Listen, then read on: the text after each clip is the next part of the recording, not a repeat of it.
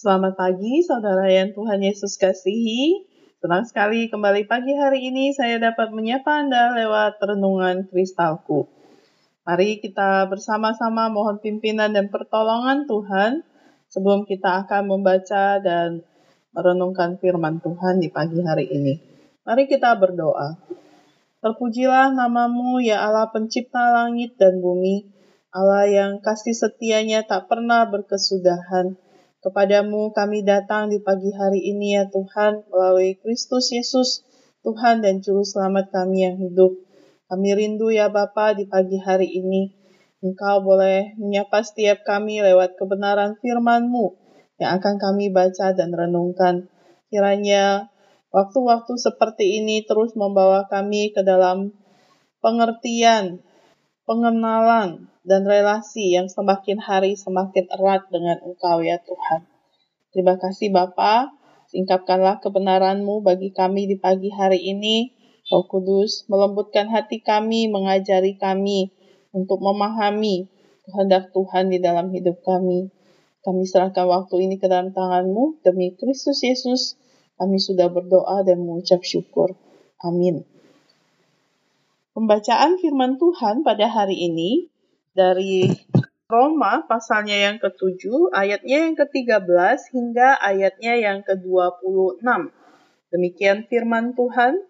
Jika demikian, adakah yang baik itu menjadi kematian bagiku? Sekali-kali tidak. Tetapi supaya nyata bahwa ia adalah dosa, maka dosa mempergunakan yang baik untuk mendatangkan kematian bagiku supaya oleh perintah itu dosa lebih nyata lagi keadaannya sebagai dosa. Sebab kita tahu bahwa hukum Taurat adalah rohani, tetapi aku bersifat daging, terjual di bawah kuasa dosa. Sebab apa yang aku perbuat, aku tidak tahu, karena bukan apa yang aku kehendaki yang aku perbuat, tetapi apa yang aku benci, itulah yang aku perbuat. Jadi, jika aku perbuat apa yang tidak aku kehendaki, aku menyetujui bahwa hukum Taurat itu baik. Kalau demikian, bukan aku lagi yang memperbuatnya, tetapi dosa yang ada di dalam aku. Sebab aku tahu bahwa di dalam aku, yaitu di dalam aku sebagai manusia, tidak ada sesuatu yang baik, sebab kehendak memang ada di dalam aku, tetapi bukan hal berbuat apa yang baik.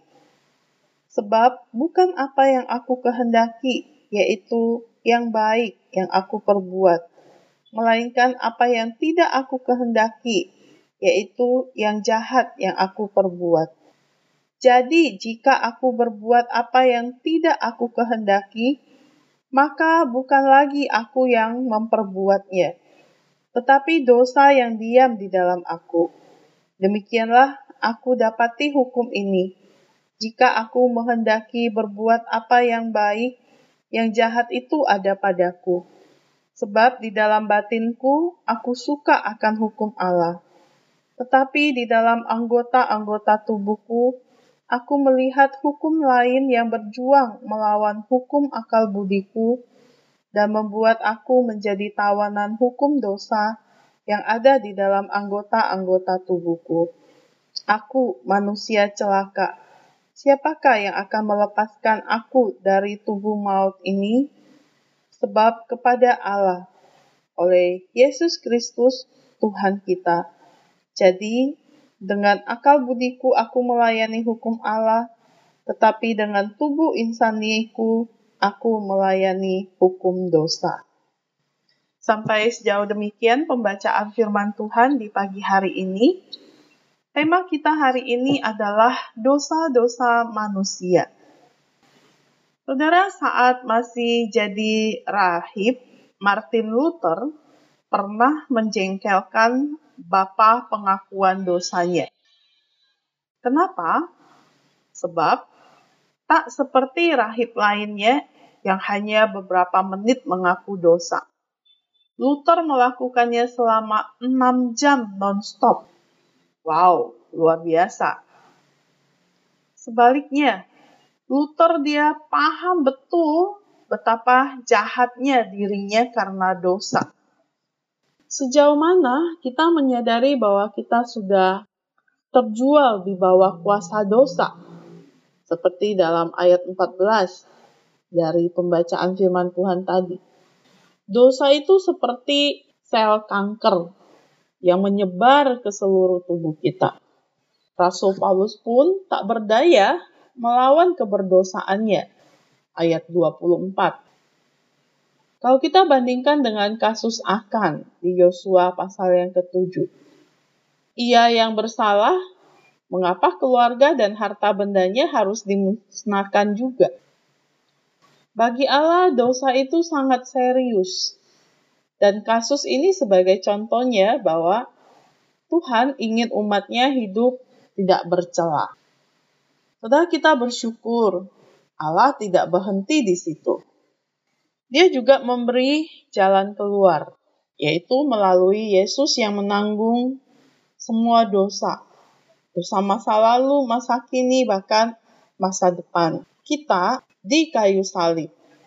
Jadi, kita tidak perlu frustrasi lagi seperti Paulus dan Luther. Karena oleh Yesus Kristus kita dimungkinkan berkenan kepada Allah. Hanya masalahnya, sejauh apa kita menghormati pengorbanan Kristus ini dengan bertekad menjaga kesucian di tengah segala hal yang kotor, Ataukah kita begitu gampang memaafkan diri ketika berbuat dosa? Jangan-jangan kita lalu hidup sembrono. Bukankah seharusnya pengampunannya yang begitu besar itu memotivasi kita untuk hidup menyenangkan hatinya? Bukan lagi karena takut akan penghukumannya, melainkan karena hati kita berlimpah dengan rasa syukur. Demikian firman Tuhan. Saudara ingatlah, satu-satunya yang Allah benci dari kita adalah dosa-dosa kita. Amin. Mari kita berdoa. Bapa di dalam surga, terima kasih ya Tuhan. Anugerahmu sungguh manis dan indah di dalam hidup kami. Kami manusia yang berdosa, manusia yang celaka ini ya Tuhan Engkau mau mati, selamatkan kami. Tuhan, Engkau tidak pernah membenci kami. Yang Engkau benci adalah dosa-dosa kami. Tuhan, tolong kami untuk selalu menghargai pengorbanan Tuhan Yesus di atas kayu salib bagi kami. Dengan kami mau hidup taat kepada Tuhan untuk menjaga kekudusan hidup kami sebagai orang muda di hadapan Tuhan, tidak membiarkan celah menghancurkan kesaksian hidup anak-anakmu ya Tuhan. Lindungi dan berkatilah ya Tuhan di sepanjang hari ini. Topang Bapak Ibu Guru dalam memberikan pengajaran, demikian juga orang tua dalam mereka menjalankan pekerjaan yang Tuhan percayakan. Terima kasih Tuhan Yesus. Kami serahkan sepanjang hari ini ke dalam tangan pengasihan-Mu. Demi Kristus Yesus Tuhan dan Juru Selamat kami yang hidup, kami sudah berdoa dan mengucap syukur. Amin. Selamat belajar. Bersama Yesus, aku bisa bergerak dan berubah.